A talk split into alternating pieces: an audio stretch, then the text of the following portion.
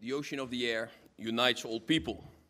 De titel van mijn lezing vanavond. Een prachtige uitspraak van onze medeoprichter Albert Plesman. Dames en heren, goedenavond. Hier sta ik dan, in de Rode Hoed in Amsterdam. In 1629 zat hier een hoedemaker. En daarna was het eeuwenlang een schuilkerk voor de Remonstrantse gemeenschap. En deze grote zaal hier is de grootste en oudste bewaard gebleven schuilkerk in Nederland. Velen van u wisten dat natuurlijk al lang allemaal. Voor mij was dat nieuw. Eigenlijk heel bijzonder om hier dan vanavond te spreken. Ik ken dit gebouw vooral uit de tijd dat mijn moeder Sonja op zaterdag, en geloof ik ook op zondag en op maandag en op dinsdag geweest, maar in ieder geval hier in de Rode Hoek dat keek. En inmiddels staat er op de website een wervende tekst, en nu citeer ik. Met zijn debatten is de Rode Hoed kritisch volger en aanjager van de maatschappelijke en politieke discussie. Rode Hoed streeft naar verkennende en verbindende debatten waarin tegenstellingen worden overbrugd en nieuwe inzichten ontstaan. En nu, dus vele jaren later, na Sonja op zondag, mag ik hier staan voor zo'n verkennend en verbindend debat. Dat hopelijk kan leiden tot het overbruggen van tegenstellingen en het ontstaan van nieuwe inzichten. Dat kan de luchtvaart op dit moment best gebruiken. Dames en heren, het is mij een ware eer en een genoegen voor u te mogen staan hier vanavond. Zoals reeds gerefereerd, vorig jaar sprak Ben van Beurden van Shell deze eerste Elsevier economielezing uit. En hij vertelde een indrukwekkend verhaal over de noodzaak van energietransitie vanuit een maatschappelijke opdracht en vanuit een bedrijfsmatige strategie. Tegelijkertijd heeft hij met dat zeer belangrijke thema een mooie brug geslagen, waarover ik u vandaag tegemoet loop voor deze tweede Elsevier economielezing. Want de wereldwijde verduurzaming van de luchtvaart is ook onze opdracht. Een paar weken geleden, op 25 september, mocht ik vliegen van Parijs naar New York. En ik had mij stellig voorgenomen deze vlucht van ruim zeven uur aan deze lezing te wijden. Zwevend op 10 kilometer hoogte, dat blijft altijd toch een wat bizar idee, hoefde ik mij eigenlijk alleen maar te concentreren op wat ik vanavond met u wil delen, wat ik u wil vertellen. Eigenlijk een mooie en geruststellende gedachte voor mij. Op deze vlucht zit naast mij een dame van wie ik het accent niet helemaal kan plaatsen. We hebben een kort en leuk gesprek en ze blijkt drie nationaliteiten te hebben. En het doet mij wederom realiseren hoe luchtvaart mensen bij elkaar brengt. Nogmaals, the ocean of the air unites all people. En deze betekenisvolle woorden van KLM-grondlegger Albert Plesman gelden dus eigenlijk nog steeds. En zelfs voor een vluchtige ontmoeting als deze. Ik besluit het moment van nadenken en schrijven voor vanavond van mijn betoog nog even voor mij uit te schuiven. U herkent dit soort uitstel wellicht. Eerst nog maar even wat lezen. Ik pak de Elsevier uit mijn koffer. En ik pak de Elsevier Weekblad van 14 september. En daar beland ik bij de column van Gerry van der List. De titel boven de column zegt: De waarde van hameren op een oud aanbeeld. Ja, dacht ik, dat is een prachtige column. En ik kom daar zo op terug. Goed, vanavond dus een economielezing door de CEO van KLM. Wel nu, u verwacht van mij vast een pleidooi over het grote belang van de luchtvaart in onze Nederlandse economie. En ik kan u alvast verklappen, ik ga u niet teleurstellen. Maar toch ook niet precies dat en dat alleen. Luchtvaart is immers veel meer dan alleen het grote belang wat luchtvaart heeft voor de economie. En mijn betoog vandaag, zo heb ik tijdens deze vlucht besloten, moet gaan over de bredere waarde van de luchtvaart. De verbinding over grenzen heen.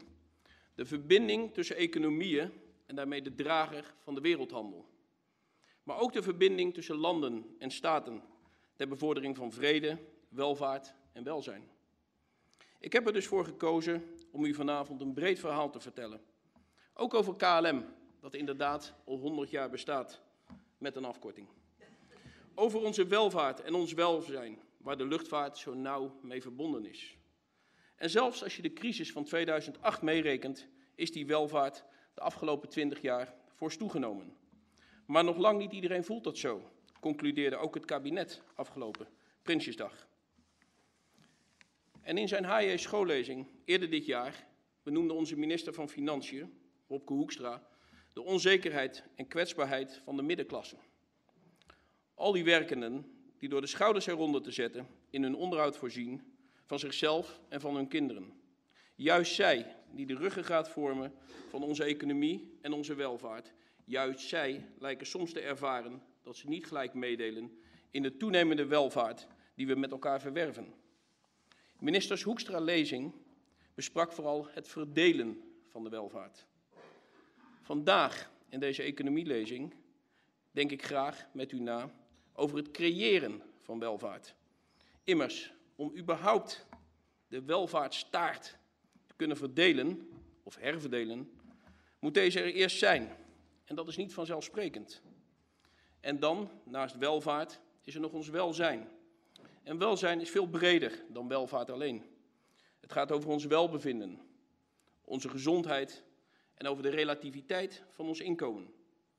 Daarmee is welzijn aanzienlijk subjectiever dan welvaart. En daarmee ook minder te vangen in statistieken zoals besteedbaar inkomen.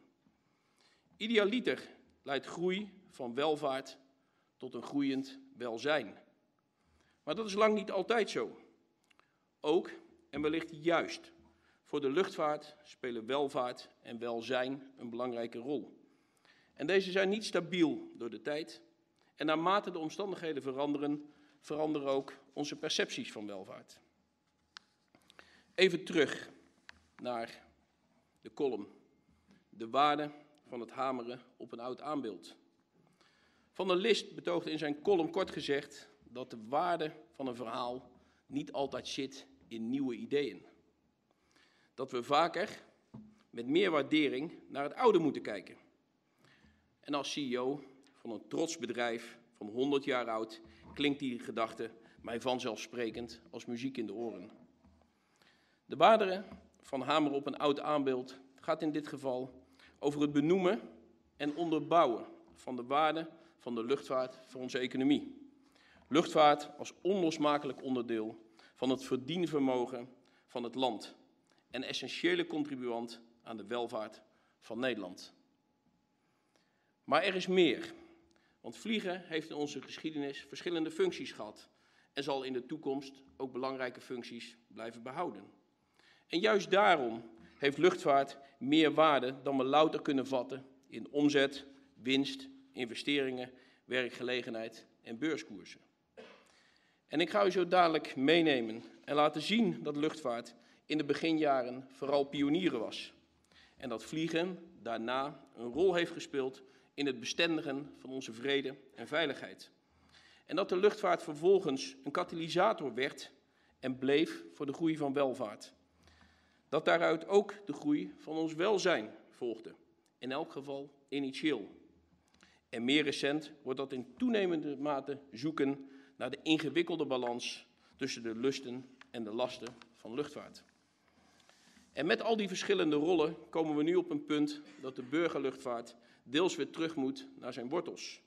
De wortels van pionieren, om ook in de toekomst relevant te kunnen blijven. Innoveren dus. Maar om u te kunnen vertellen over die toekomst, neem ik u eerst mee op een korte reis door het verleden. En deze reis begint niet zo ver hier vandaan. Ik schat hemelsbreed anderhalve kilometer. Daar waar vandaag de dag het EI Filmmuseum staat. Daar, precies daar, werd 100 jaar geleden de eerste luchtverkeer tentoonstelling Amsterdam, afgekort de ELTA, georganiseerd. En deze ELTA was in de zomer van 1919, het eerste jaar na de Eerste Wereldoorlog. Nederland was neutraal gebleven, maar het continent lag in gruzelementen. Door zeeblokkades was de internationale handel nagenoeg stil komen te liggen. En daardoor was ook in ons land schaarste en honger. Want ook toen al leunden we voor onze economie op internationale handel, al ging die toen nog vooral over zee. En na zo'n allesontwrichtende oorlog is vooruitkijken eigenlijk het enige wat de situatie er beter op kan maken. En dat begon dus onder andere met deze luchtverkeerstentoonstelling, die een daverend succes werd. Met vliegdemonstraties, rondvluchten en vliegraces lukt het om meer dan een half miljoen mensen naar deze ELTA te laten komen. Op destijds 6 miljoen Nederlanders, een indrukwekkend aantal. En tot dan toe werden gemotoriseerde vliegtuigen eigenlijk alleen door stuntvliegers en de krijgsmacht gebruikt. En het was de eerste functie die de luchtvaart in onze samenleving speelde. Vliegen was een manier van pionieren. Die zee van lucht bood een enorme behoefte aan vrijheid en tegelijkertijd verbondenheid voor iedereen. En een week of vier na deze ELTA riepen acht ondernemers samen KLM in het leven met een startkapitaal van destijds 1,2 miljoen gulden. Daar doe je in de luchtvaart nu niet zoveel meer mee. Maar toen was dit meer dan genoeg om onder de bezielende leiding van Albert Plesman met visie en overtuiging aan de slag te kunnen gaan. En die eerste decennia bleef de luchtvaart vooral gekenmerkt door dit pionieren. Vliegeniers, als Amelia Earhart en Amy Johnson, legden hun leven in de waarschaal en vliegtuigtypes volgden elkaar snel op. De afstanden die de vliegtuigen konden overbruggen werden ook steeds langer en passagiers werden tijdens hun vlucht steeds beter verzorgd. En zo vloog KLM al in 1924, vijf jaar na haar oprichting, naar toenmalig Batavia en in 1933 voor het eerst naar Curaçao. De technische en geografische ontwikkeling van de luchtvaart ging razendsnel, zeker voor die tijd. Maar aan al die groei en aan al die ontwikkelingen kwam abrupt een eind toen Duitse troepen op 10 mei 1940 Nederland binnenvielen. En een groot deel van de KLM-vloot werd daarbij vernietigd. Meer dan vier jaar zou het duren tot de bevrijding letterlijk vanuit de lucht begon. In het zuiden volgde de bevrijding snel en hoewel het noorden van Nederland nog bezet was, werd het tijd om vooruit te kijken. Ik kom zo op 1944 terug. En na te denken over een wereld na de oorlog. Een wereld waarin we het nooit meer zo ver zouden laten komen. En zo komen we, na het eerder benoemde pionier als eerste functie van de luchtvaart, op een tweede functie die de luchtvaart vult. Vliegen kan ook een katalysator zijn in het bestendigen van vrede en veiligheid. Zo was de gedachte toen. Immers, met vliegen ga je tenslotte over grenzen om dichter bij elkaar te komen. Of nogmaals, met Albert Plesman te spreken, the ocean of the air unites all people. De lucht verbindt ons over landsgrenzen en culturen heen. En in die geest werd dus eind 1944 in Chicago de eerste stappen gezet voor de International Civil Aviation Organization, ICAO. Die organisatie ziet nu, vandaag de dag toe, op een veilige en duurzame ontwikkeling van de wereldwijde luchtvaart.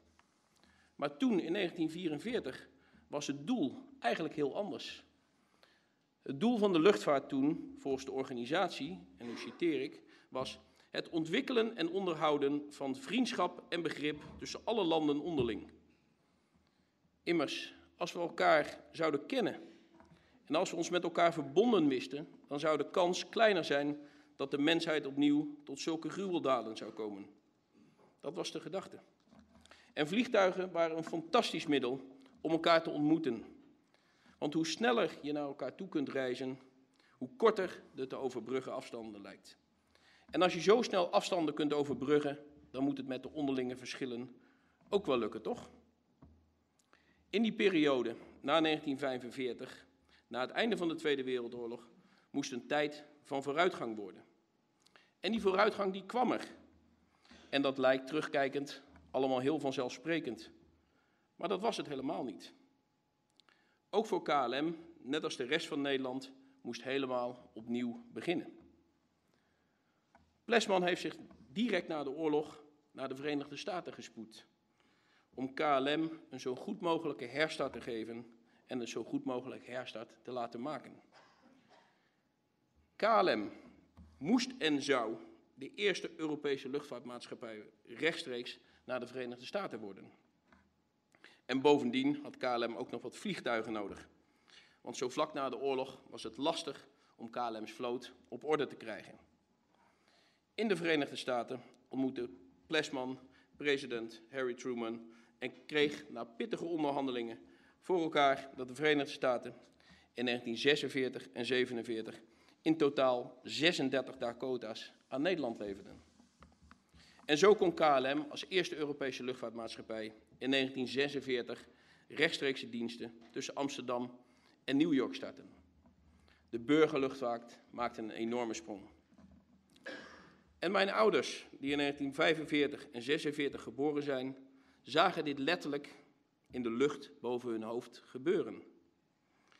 En na die eerste wankele wederopbouwjaren begon de economie aan in haar kiel welvaart, in razend tempo te groeien. En alles was gericht op de groei van deze welvaart. Met weinig regels en vooral heel veel kansen. En de wisselwerking tussen de groei van de luchtvaart en de groei van de economie was enorm. En dat brengt ons naar pionieren en als tweede het vliegwiel voor vrede en veiligheid op de derde functie die de luchtvaart vervult. Vliegen was niet langer een katalysator voor vrede en veiligheid alleen, maar het werkte ook letterlijk als een vliegwiel voor de ontwikkeling van onze welvaart. Vliegen werd goedkoper, veiliger en steeds sneller. En op vakantie gaan werd voor steeds meer mensen een jaarlijks terugkerend ritueel. En voor veel mensen werd vliegen dat een paar decennia later ook. In 1959 vlogen al meer dan 1 miljoen passagiers met KLM. En al die groei in de naoorlogse jaren van de luchtvaart zorgde voor banen, handel, export en uitwisseling van kennis en ideeën. In een positieve spiraal waren de groei van de luchtvaart en de groei van welvaart onlosmakelijk met elkaar verbonden. En dat was zeker zo voor Nederland. Want Nederland moest het juist hebben van internationale handel. En in een hechte samenwerking tussen KLM, Schiphol en de Nederlandse overheid werd een zeer indrukwekkend netwerk opgebouwd. En dat zorgde ervoor dat buitenlandse concerns uit Amerika, uit Japan, zich in Nederland vestigden en zo weer voor meer werkgelegenheid zorgden. Werkgelegenheid en welvaart. En daarbij hielp ook vracht door de lucht bij deze ontwikkeling. Toen mijn ouders trouwden in 1969, konden ze voor het eerst met het vliegtuig op huwelijksreis. De generatie van mijn ouders ging van huis uit op vakantie een paar dagen naar de zee. En eenmaal zelf volwassen stonden ze daar na een paar uur vliegen, ik geloof op Jersey. Televisie was er nog maar beperkt. De foto's in de krant waren korrelig en computers waren er vooral om ruimtemissies mee te leiden. En dus had de generatie destijds niet zich echt kunnen voorbereiden op die andere wereld waar je na een paar uur vliegen terecht kwam. En wat zij toen waarschijnlijk voelde, vind ik zelf nog steeds een van de mooiste momenten van het reizen. De aankomst op de bestemming. Het moment dat de trein het station nadert, het vliegtuig of de luchthaven, het moment dat je een nieuwe wereld instapt, dan weet je dat de nieuwe wereld letterlijk aan je voeten ligt. Dat blijf ik, ook na al die vluchten die ik gemaakt heb, nog steeds een van de mooiste dingen vinden. Maar zouden zij dat destijds ook zo ervaren hebben? Of voelden ze eigenlijk nog iets anders? Want dat ze hadden kunnen vliegen, gaf hen misschien ook het gevoel dat zij, net als vele anderen, een stap omhoog konden maken op de maatschappelijke ladder. Immers, voor die generatie stond vliegen symbool voor welvaart. Immers, als je kon vliegen, had je het goed. Dan had je de wind in de zeilen. De vliegreis van de generatie van mijn ouders bleef lang een unieke ervaring. Toen was vliegen zeker geen vanzelfsprekendheid. En toen er voor die generatie kinderen kwamen, was dat al helemaal zo. Voor mij, dat is anders voor mijn kinderen, voor mij stonden die jeugdvakanties, net als voor veel mensen toen en ook nog nu, uit een paar weken met de auto naar Frankrijk. Vader aan het stuur, moeder met de kaart ernaast en met drie jongens op de achterbank. Het zijn zoete herinneringen. Geamuseerd denk ik terug aan het gekibbel op de periferiek rondom Parijs. Een aantal van u heeft ongetwijfeld dezelfde ervaringen. En niets was beter dan uit de snikhete auto stappen en onze zwembroeken tevoorschijn halen. En dat opgewonden gevoel van we zijn er, is eigenlijk altijd gebleven. En toen ik ouder werd, zag ik langzaam maar zeker dat het voor veel mensen steeds gewoner werd om het vliegtuig te nemen. Zelf vloog ik pas voor het eerst toen ik volwassen was met Transavia naar Turkije. Niet lang daarna, in 1992, inmiddels 27 jaar geleden, kwam ik in dienst bij KLM. Ik zag net Pieter Bouw in de zaal, die was president-directeur. Dus alles wat ik vanaf nu zeg, uh, doe ik onder strikte controle van de heer Bouw, die destijds uh, CEO van KLM was. In 1992 dus in dienst bij KLM. Als een van de tienduizenden mensen die er dagelijks hun brood verdienen. Inmiddels is KLM met 33.000 werknemers in de KLM-groep uitgegroeid tot de tweede grootste private werkgever van Nederland. En hier in Amsterdam is de nummer 1 gemeente van hoeveelheid werknemers, gevolgd door Haarlemmermeer en Almere. En de rest zit door het hele land verspreid. Wereldwijd heeft de luchtvaartbranche 65 miljoen banen gecreëerd. En dat zijn dus 65 miljoen mensen die voor hun welvaart en welzijn afhankelijk zijn van uw reisbehoeften. En van die 65 miljoen mensen werken er dus 33.000 bij KLM. De luchtvaart draagt jaarlijks in Nederland circa 35 miljard euro bij aan het bruto nationaal product. En daarnaast zorgt de Mainport Schiphol indirect voor zo'n 350.000 banen in Nederland. Dat is, dames en heren, ruim 4% van de beroepsbevolking in Nederland. Door de ligging van Schiphol is Amsterdam een aantrekkelijke vestigingsplaats voor tientallen multinationals en hoofdkantoren. En daar profiteert de hele regio, ja zelfs het hele land van. En toen het Europees Geneesmiddelenagentschap naar Amsterdam verhuisde, zijn er circa 900 medewerkers die zich hier in de regio gevestigd hebben. En sommigen konden gewoon niet geloven dat ze en op vijf minuten fietsen van het strand woonden en binnen een uur op hun werk konden zijn. In de kwart eeuw dat ik voor KLM mocht werken, zag ik zowel op mijn werk als in mijn familie dat vliegen niet alleen welvaart bracht, maar ook welzijn. En daarmee zijn we bij de vierde rol die de luchtvaart in onze samenleving vervult. Pionieren hebben we genoemd, vrede en veiligheid, welvaart en de vierde is die van welzijn. Vliegen werd een manier van reizen, van een lucky few tot een manier van reizen voor de happy many. Een manier van reizen waarmee verschillende mensen samenkwamen. Emigraties, zakenreizen, vakanties. We pakken steeds vaker het vliegtuig.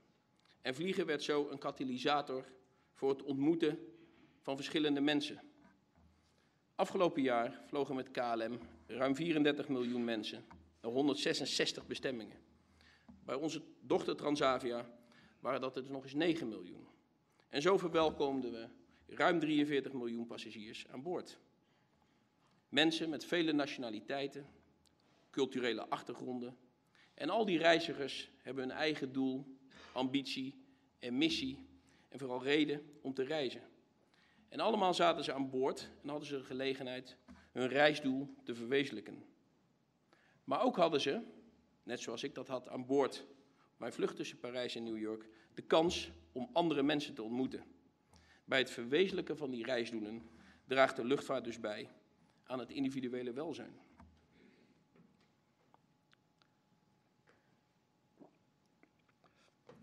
Maar er is meer. Werken is niet alleen een economische transactie waarbij arbeid wordt gegeven in ruil voor kapitaal. Werken is ook, of wellicht juist, iets wat bijdraagt aan het welzijn van individu en samenleving. Bij KLM werken mensen met vele verschillende sociale achtergronden, een grote diversiteit aan opleidingen en mensen van 65 verschillende nationaliteiten. En ik durf de stelling wel aan dat KLM, net als haar passagiers, in zekere mate een afspiegeling is van onze samenleving. zowel op sociaal als op cultureel niveau. Deze diversiteit op de werkvloer is goed voor mensen, maar ook voor bedrijven zelf. Als medewerkers immers merken dat zij zichzelf kunnen zijn, gewaardeerd worden om wie ze zijn, dan zijn ze creatiever, flexibeler, gaan ze beter om met verandering en werken ze ook beter samen. Diverse en inclusieve organisaties zijn gezonde organisaties. Toch is het niet alleen vanuit het oogpunt van effectiviteit dat ik diversiteit in alle hoedanigheden zo belangrijk vind. In onze samenleving lijken de verschillen tussen mensen soms steeds groter te worden. Gingen kinderen vroeger gewoon naar de school om de hoek, nu rijdt een deel van de ouders flink om voor een betere school. En zakken CITO-scores weg, dan is bijles zo geregeld. Maar dat is niet voor iedere ouder op te brengen. En zo ontstaat er steeds meer en steeds vroeger een kloof tussen mensen die het goed hebben en de mensen met wie het maar niet lijkt te lukken om mee te profiteren van die groeiende welvaart. Misschien was dat altijd al wel zo, maar nu, door de digitale samenleving en 24 uur nieuws, is dat veel meer zichtbaar. We treffen elkaar ook minder in het dagelijks leven, daar waar vroeger kerken, politieke partijen en grote ondernemingen de lijm tussen mensen waren van verschillende klassen. Dat is steeds minder vanzelfsprekend. Al is het bij sommige bedrijven nog steeds zo. En ik prijs mij gelukkig dat dat bij KLM nog steeds zo is. Tijdens de viering van KLM 100 jaar heb ik weer mogen meemaken hoe al die collega's met al die achtergronden, met 65 verschillende nationaliteiten, samenkomen en genieten van KLM 100 jaar. Toen ik 27 jaar geleden bij KLM begon, had ik niet gedacht ooit aan het roer van KLM te mogen staan. Noblesse oblige. We zijn het aan onze medewerkers zelf, maar ook aan de samenleving verplicht om onze mensen het beste uit zichzelf te laten halen. En te kunnen blijven groeien. Want het blijven onderhouden en het laten groeien van onze welvaart is niet alleen van belang voor onze luchtvaart. Het is ook niet alleen belangrijk voor of het bedrijfsleven of de burger.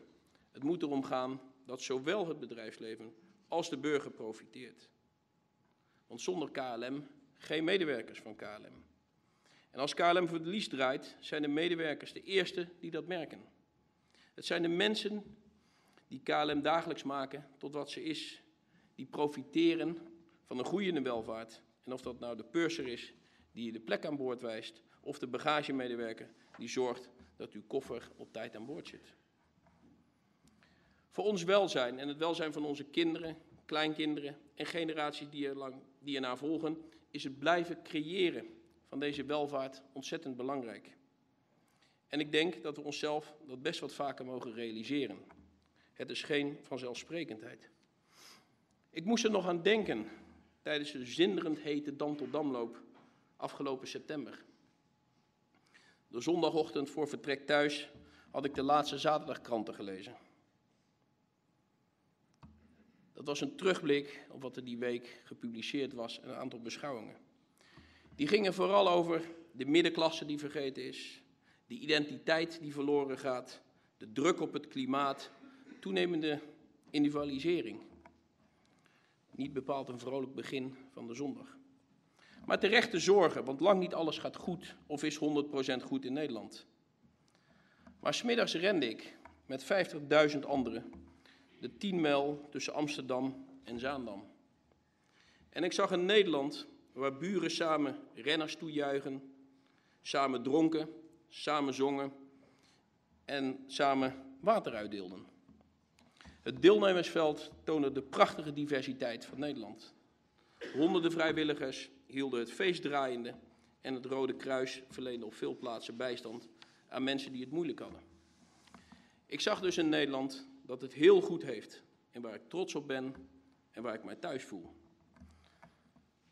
Maar ook in Nederland dat er beter voor staat dan wat soms sombere, beschouwingen welke ik s'morgens las. We leven hier in vrede en veiligheid. Onze welvaart is groot, ons welzijn is groot. En vanaf de oprichting vanaf KLM heeft door de bank genomen elke generatie het beter gekregen dan de vorige.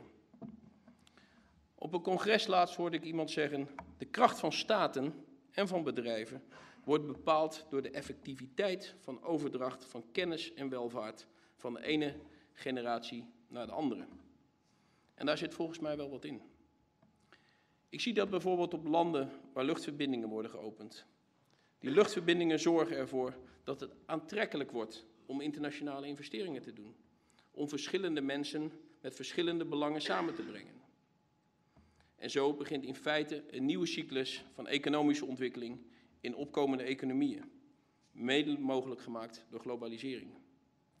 Maar die globalisering en vooral de bijbehorende digitalisering hebben de economie tegelijkertijd veel disruptiever gemaakt.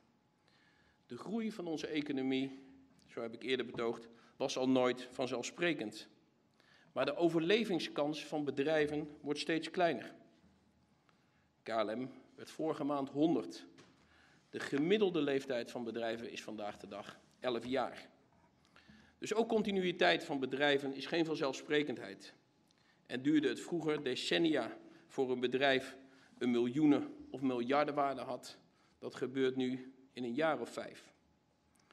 Tien jaar geleden nog had iedereen een Hives-account. Waarschijnlijk weet de helft van de zaal vanavond niet meer wat het is. En niet alleen de snelstijgers vallen snel weer om. Ook bedrijven die al decennia bestonden, sluiten de deuren of moeten krimpen. Vorige maand Thomas Cook na 178 jaar in de UK verdwijnt. De kans dat een bedrijf de 100 haalt is kleiner dan 1%. En bedrijven als Airbnb hebben het toerisme definitief veranderd. Ook hier in Amsterdam. Net als Uber. En hoeveel van u gaan nog daadwerkelijk de stad in om Sinterklaas cadeautjes te kopen als bol.com uw hele verlanglijstje thuis kan bezorgen? De nieuwe bedrijven digitaliseren een bestaande dienst, zoals de taxicentrale, en groeien vervolgens exponentieel. Dat gaat eerst langzaam, maar gaandeweg steeds sneller. En hoe groter ze worden, hoe sneller ze bestaande markten omvormen. Dat betekent ook iets voor de luchtvaart en dat betekent dus ook iets voor KLM. Want als we als luchtvaartorganisatie in zo'n economie relevant willen blijven, dan is blijven doen wat we deden niet goed genoeg meer. En zullen we weer terug moeten vallen op onze wortels en de rol van pioniers. En dat brengt mij in de vijfde functie van luchtvaart. We zullen moeten blijven innoveren. En het is niet voor niets dat KLM in 2010 als eerste luchtvaartmaatschappij het voortouw nam met de ontwikkeling van een succesvolle social media strategie. En vandaag lopen we met een handjevol Nederlandse bedrijven nog steeds voorop in het bedienen van onze reizigers via sociale platforms. En we blijven op zoek naar manieren om vooruit te komen, bijvoorbeeld door digitale ecosystemen. Alleen verbinden we dit ecosysteem niet één klant met één aanbieder, maar door onze data aan te bieden aan een netwerk van andere partijen waarmee we samenwerken, kunnen we een veel betere service bieden aan onze klanten.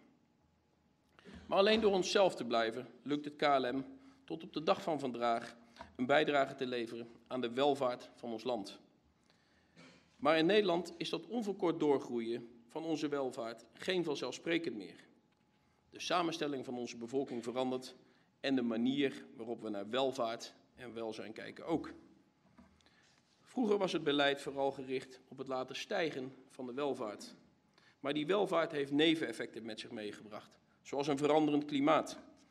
En om die neveneffecten te beteugelen, moet ook KLM voldoen aan meer wet en regelgeving. Want het klimaat verandert, daar is geen ontkennen meer aan. Afgelopen februari zaten we in ons t-shirt op het terras. En in juli ging de temperatuur in Nederland door de magische 40 graden grens. Polkappen en gletsjers smelten sneller dan we voor mogelijk hadden gehouden. En natuurlijk, de industrie van een eeuw geleden was veel vervuilender dan veel van de fabrieken vandaag. Maar er zijn ook andere en nieuwe vervuilende bedrijfstakken bijgekomen. En onze manier van leven met SUV's, koelkasten, vriezers, televisies, wasmachines, drogers, smartphones zorgt ook voor een hoop uitstoot. En alle gezamenlijke huishoudens zijn verantwoordelijk voor een vijfde van onze jaarlijkse CO2-uitstoot. En net zo goed als we thuis allemaal ons best doen om duurzamer te leven, is ook KLM daarmee bezig. En net zoals u thuis uw was blijft wassen in de wasmachine, maar die uiteindelijk wel vervangt door een zuiniger model, zo moet ook KLM aan de slag. Wij, u en ik, zijn de laatste generatie die het veranderende klimaat nog kunnen en vooral moeten beteugelen. Ook voor de luchtvaart, ook voor KLM. Maar daarbij moeten we wel voor ogen houden dat de luchtvaart bij uitstek om een wereldwijde aanpak vraagt. De grote uitstoot wordt veroorzaakt door energie- en waterbedrijven, ons afvalbeheer, de landbouw en delfstofverwinning. De transportsector als geheel is goed voor zo'n 14 procent. En daarbinnen neemt de luchtvaartsector zo'n 2 à 3 procent van de totale CO2-uitstoot voor haar rekening. Dat kan en moet minder. Ook dat is innoveren. En dat doen we ook. Het is ons als sector inmiddels gelukt om de CO2-uitstoot niet met de ontwikkeling van de economie te laten meegroeien, maar juist te laten dalen. Sinds 2005 is binnen de KLM-groep de uitstoot per passagier met bijna 20% afgenomen. En dat doen we bijvoorbeeld door onze vliegtuigen te vervangen door nieuwe, zuinige toestellen, operationele innovaties en slimme en dus kortere routes te vliegen. En om u een voorbeeld te geven, op het moment dat wij onze Boeing 747 vervangen door een nieuwe Boeing 787, besparen we 40 tot 45 procent brandstof. Dat zijn grote stappen. En vooral dure stappen. Maar het is niet genoeg. Daarom zijn we bezig met alternatieven. Op dit moment heeft het gebruik van duurzame kerosine voor de, de meeste impact.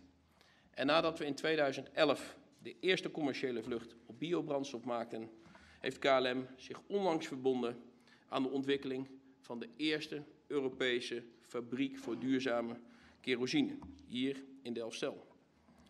Daarnaast stimuleren we CO2-compensatie door onze passagiers. In 2018 hebben bijna 90.000 passagiers van KLM meer dan 40.000 ton CO2-uitstoot gecompenseerd. Dat is gedaan door het planten van ruim 600 voetbalvelden aan bomen. Dat aantal hebben we alleen al bereikt, ook in de eerste helft van 2019.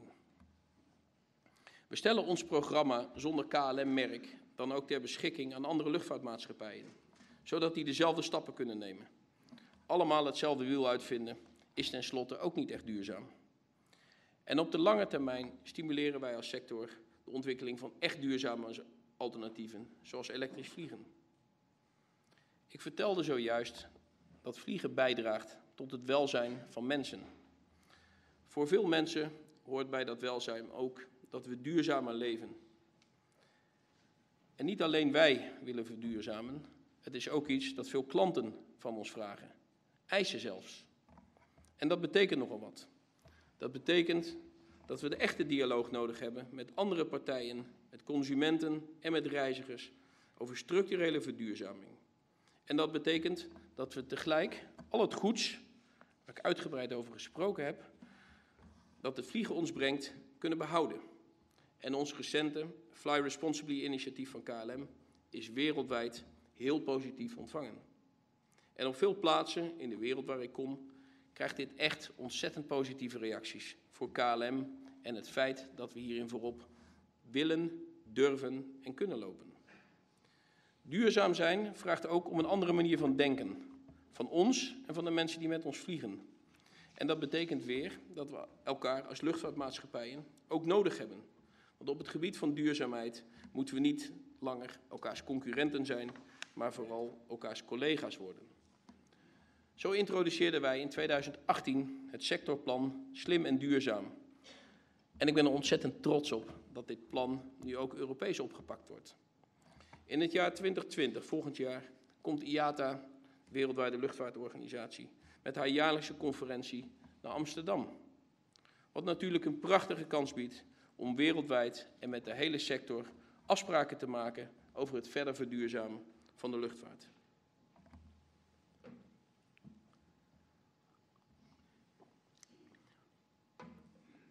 Daarbij is een gelijk speelveld natuurlijk wel cruciaal.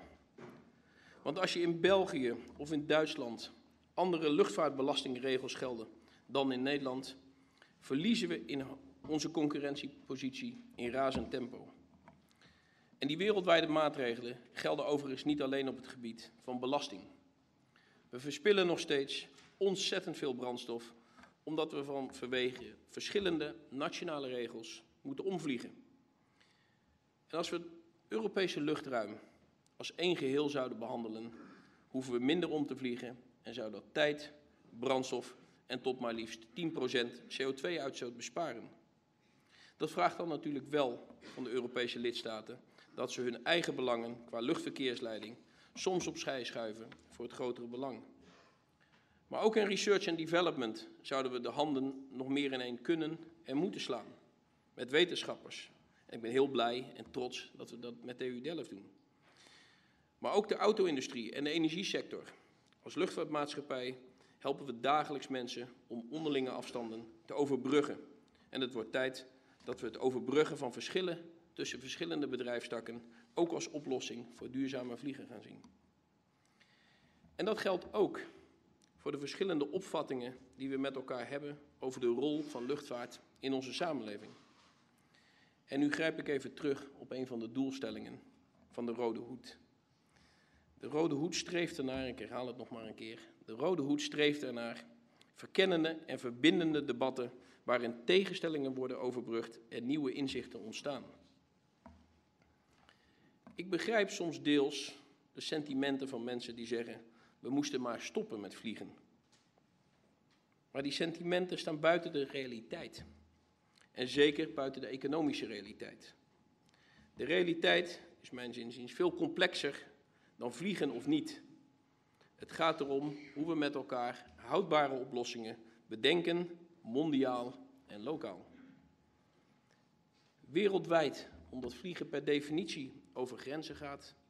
En lokaal, omdat we met elkaar hier in Nederland op deze 14,4 miljoen vierkante kilometer willen en kunnen blijven wonen. Werken, leren, ontspannen, sporten en al het andere dat leven het leven maakt. En om dat allemaal te kunnen blijven doen, zullen we ons moeten blijven realiseren dat ons land het niet moet hebben van zijn bodemschatten. Er zit hier geen olie in de grond of goud in de mijnen. En over de gaswinning ga ik het vanavond niet hebben. Ons land bestaat daarmee des te meer bij de gratie van import en export. En daarom zullen we, zo is mijn stellige overtuiging, dames en heren, het luchtvaartdebat veel breder moeten voeren.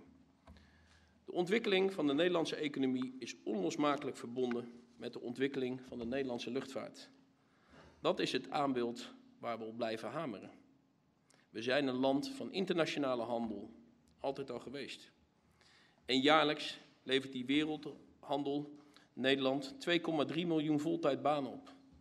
En aan export werd in 2017 ruim 250 miljard euro verdiend. Dat zijn inkomsten waarover belasting wordt gegeven. Belasting die bijdraagt aan de brede welvaart van onze samenleving. Je hoeft maar naar IJsland te kijken om te zien wat het waard is. Zo was het volgens de New York Times luchtvaartmaatschappij WOW die het land uit de crisis van 2008 trok. Maar nu die maatschappij failliet is, loopt het toerisme terug en glijdt het land opnieuw een recessie in. En ik denk dat we alle, ons allemaal nog levendig herinneren wat de recessie en bijbehorende bezuinigingen hier deden met onze economie. Dat zouden we ons in Nederland niet nog eens moeten laten gebeuren. Daarom kunnen we luchtvaart niet terugbrengen tot een discussie over CO2 en geluid alleen. Luchtvaart, dames en heren, is één van de belangrijke pijlers onder onze nationale economie. En het op peil houden van het niveau van welvaart is een minimale randvoorwaarde voor duurzame ontwikkeling. Het op peil houden van het niveau van welvaart is een minimale randvoorwaarde voor duurzame ontwikkeling. Met andere woorden, we hebben welvaart nodig om te blijven verduurzamen. Het vervangen van onze vloot vergt investeringen.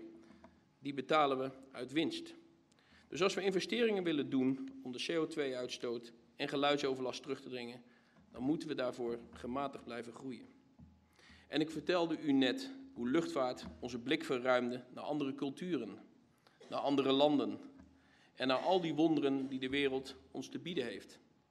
Vliegtuigen verbinden ons met onze zakenpartners in de wereld en met de landen waar sommigen van ons een paar jaar naartoe emigreren. Ze leggen de verbinding tussen onze vakantiebestemmingen en brengen de beelden die we op Instagram zien tot leven. Zo maakt reizen onze wereld kleiner, vergroot het ons blikveld en brengt het ons kennis over en begrip voor elkaar. Of dat nou op de werkvloer is of op reis. Maar meer dan wat ook, laat reizen ons dromen. Dat deed het voor al die mensen die in de jaren 20 en 30 van de vorige eeuw het nieuws over dat kleine groepje luchtvaartpioniers op de voet volgden. Dat deed het voor mijn ouders, die zo verwonderd aankwamen. En dat doet het vandaag de dag nog steeds voor al die passagiers die een voet aan boord van een vliegtuig zetten. Het is aan ons en voor hen en vooral onze kinderen dat KLM haar best doet om luchtvaart ook fit voor de future te houden. Want zoals ik vertelde, heeft luchtvaart een waarde die veel breder is dan alleen bedrijfsmatig, die meer dan stakeholder value vertegenwoordigt. De luchtvaart draagt bij aan vrede en veiligheid en aan welvaart en welzijn. Hier en ook in de landen waarmee we ons via de lucht verbinden. En dus zal KLM blijven pionieren om relevant te blijven, om innovatief te blijven en ook om welzijn en welvaart te blijven creëren. Want dat brengt vrede, dat brengt veiligheid en dat brengt economische vooruitgang voor ons, voor onze kinderen, voor onze kleinkinderen en alle generaties die daarop volgen. En daarmee kunnen we deze prachtige Nederlandse welvarende samenleving met goed fatsoen aan hen overdragen. Onze welvaart en ons welzijn zijn onze nalatenschap aan hen. De hemel boven ons ademt hun toekomst. The ocean of the air unites us all. Dank u wel.